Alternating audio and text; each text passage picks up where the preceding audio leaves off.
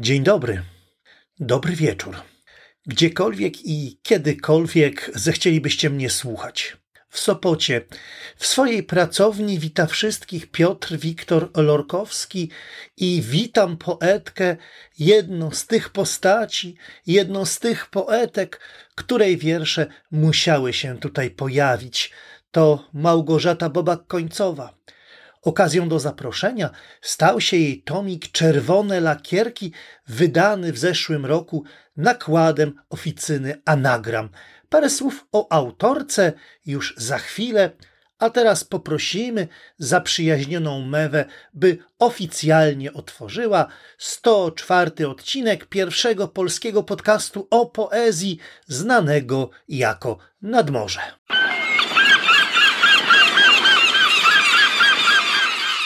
Małgorzatę Bobak końcową wielu z nas zna jako znakomitą animatorkę kultury, inni jako hajdzinkę, bo można ją znaleźć wśród członków założycieli Polskiego Stowarzyszenia Hajku. Debiutowała w roku 2012 tomem Brzydka, natomiast Czerwone Lakierki to jej ósmy zbiór poetycki. Y, to tom, który mnie zadziwił przede wszystkim umiejętnością spojrzenia na rzeczywistość dziecięcym, dziewczęcym, a potem kobiecym okiem.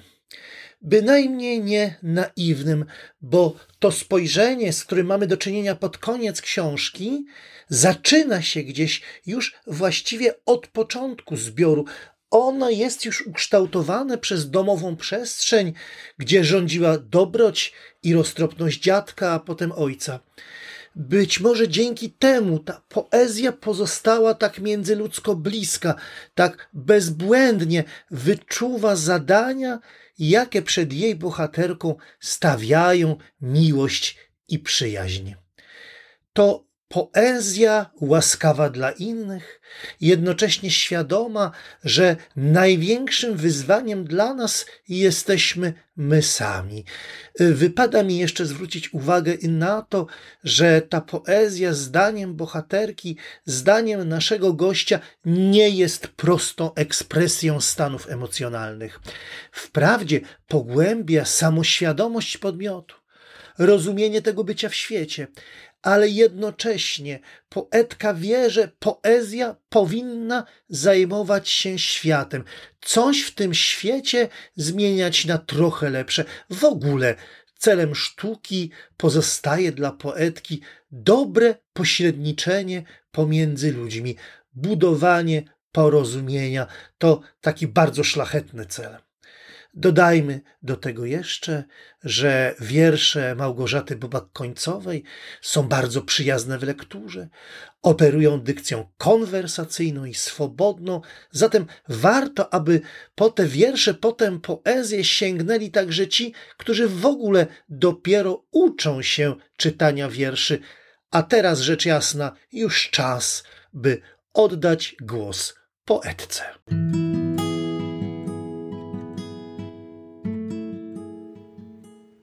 Czerwone lakierki jeden.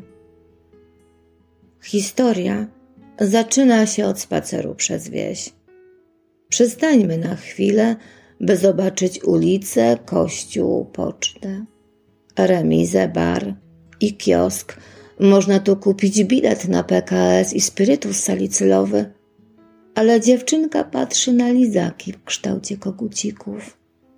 Od nich usta robią się czerwone, jak skrzynka, do której dziadek wrzuci list, czy wóz strażacki pędzący ulicą, albo zbyt jaskrawa pomadka u ekspedientki. Tylko, że teraz wszyscy patrzą na czerwone lakierki za stolicy. Idą razem przez wieś. Dziadek wiedział dużo o miłości śmierci. Uczył ludzi milczenia i szacunku do ziemi, był chodzącą dobrocią z rządowego nakazu rozdzielał ludziom domy po wędrówce ze wschodu tak szczodrze, że zapominał o najbliższych. Kiedy nie wracał z Warszawy, dom czekał w milczeniu, a wróble otwierały wrzaskiem zbyt rześkie poranki, jaskółki zamykały za długie wieczory z każdym zamknięciem ubywało wielkiej kuli na niebie. Ale kiedy wracał dziadek, nic się nie liczyło.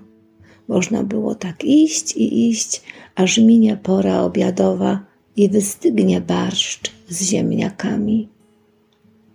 Któregoś dnia dom zamilkł na roki dłużej. Zamilkł głośniej niż kiedykolwiek przedtem. Później jaskółki zatrzasnęły drzwi stajni, gdzie stał smutny koń. Nikogo nie trzeba było uczyć milczenia. Czerwone lakierki dwa. Nagle, którejś nocy, zaskrzypiała stara szafa. Wyszła z niej dziewczynka z lalką i misiem, budząc radosnym śmiechem całą rodzinę.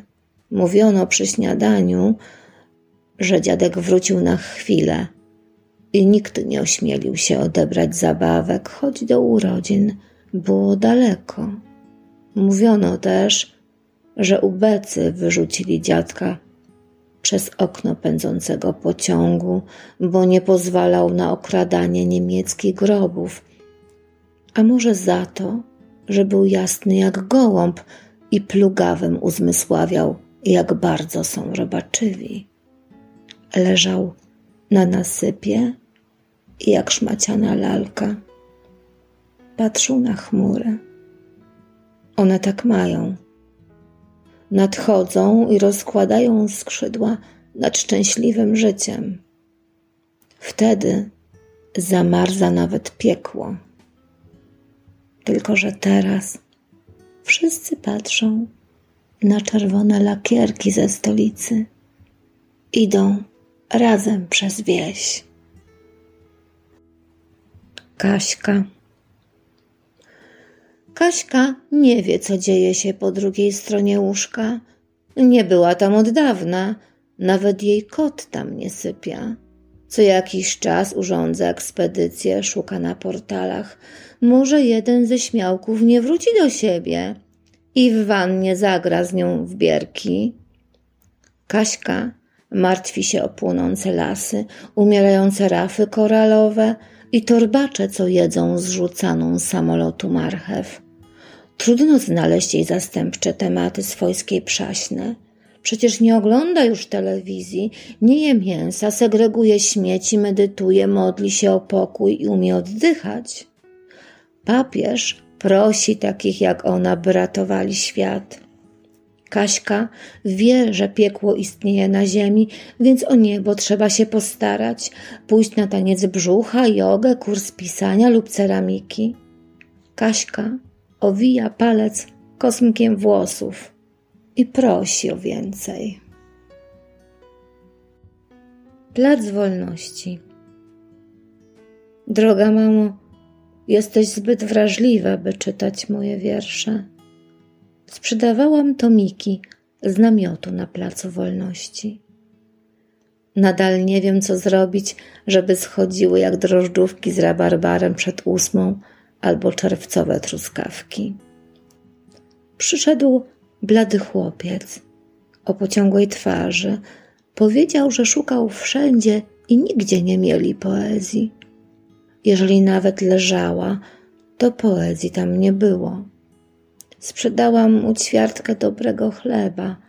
Posmarował piętkę solonym masłem i zjadł. Przypomniało mu się lato w kurnikach u dziadka, który chciał zrobić z niego mężczyznę. Zabrał go na wódkę. Mamo, on przytula policzki do piwoni, a zimą do śniegu. Wstydzi się, gdy zapada milczenie, poprawia nerwowo okulary. Kiedy poszedł, jaskółki latały nisko, spadł deszcz i zamknęliśmy namiot z poezją. Ktoś. Na szczęście nie wiem, kim jest dziewczyna obok. Wypiła dwa piwa i wyciągnęła z torby gablotkę z martwymi owadami nadzianymi na szpilkę prawie brodzi nosem między ćmami i żukami. Może być bohaterką z ładowarką. Przecież uratowała komórkę gościa obok. W jej oczach widzę zarzut, myśli, że ten facet jest zbyt amerykański, a wolałaby zarośniętego drwala z powieści Sapkowskiego. Dotyka rzęsami podłogi, jej dłonie i głos są nerwowe, jak kolejka, która ustawia się pod napisem wars i czeka na jakieś pierogi. Motyw. Nie chcę już pisać pięknych wierszy. Chcę być jak wszystkie poetki.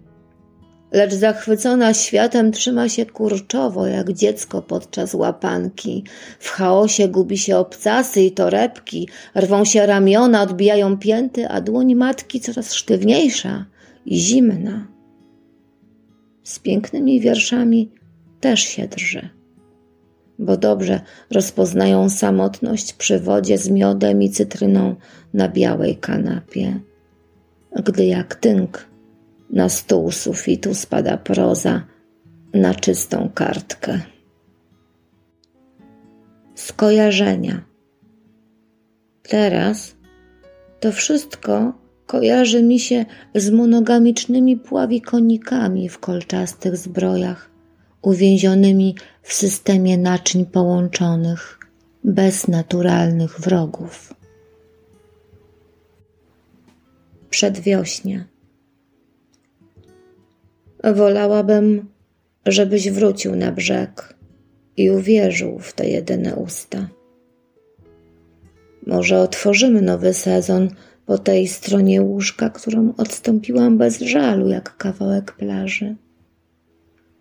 Odgarniam piasek i twoje włosy, kiedy kołyszasz się jak piórko i każdy odpływ fal oddaje zagubionemu miastu dostęp do sonetów rybitw, abyś zwiedzał dzielnice pełne dziwnych kolorów i kaleczył stopy orafy. Bezdomna miłość. Grymasy chmur jak kontury ust osiedlowej wariatki w kapeluszu z woalką paciorków złorzeczy na żywych, umarłych, umarłych i żywych. Panie z pieskami odwracają głowy, lekceważą jej bezdomną miłość do gołębi kotów. Z butelek po piwie wylewa resztki. Chce roztańczyć życie na skwerku. Inaczej niż poetki spadają z drabin inaczej niż pracownice działu obsługi klienta i ekipy sprzątającej. Znam ich kilka. Wiem, jak było. Parasolki i buty natychmiast przestają oddychać, kwitnące szminki i flakony z perfumami stoją nadęte na toaletce. Koty z zielonymi oczami oglądają się za kimś, kto miał gotować obiad, a teraz leży sobie i czeka na cud. I cały niebyt, co zaczyna się od złamanej miednicy i pękniętych kręgów, panoszy się w wierszach, garnie się do popękanych ust, jakby chciał dosypać piasku i soli, podłożyć kamień pod poduszkę, wbić w żyły węflon. Poetki powinny mieć zawsze nieskazitelnie czyste okna. Róża. W holu głównym jest miejsce niewidoczne dla kamer. Gdybym płakała za tobą, to tylko tam. Gdybym płakała, to tylko za ścianą z neonem. A gdybyś zginął na wojnie, stałabym się neonem, by rozświetlić ci noc.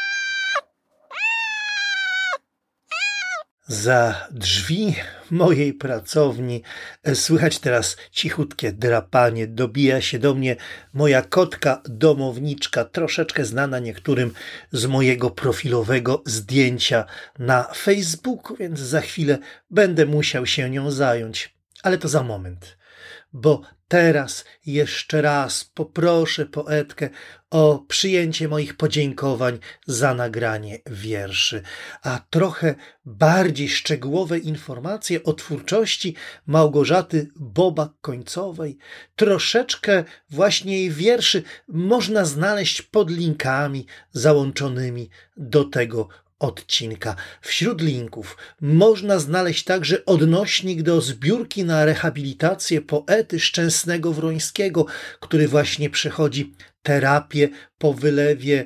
E, to ważne, żebyśmy teraz okazali solidarność z nim i z jego bliskimi. Chciałbym Was także zachęcić do udziału w 28. edycji konkursu o Złote Pióro Sopotu. To konkurs o długiej tradycji, a z czasem nabiera on coraz większego znaczenia. Link do regulaminu konkursowego również znajduje się pośród notatek.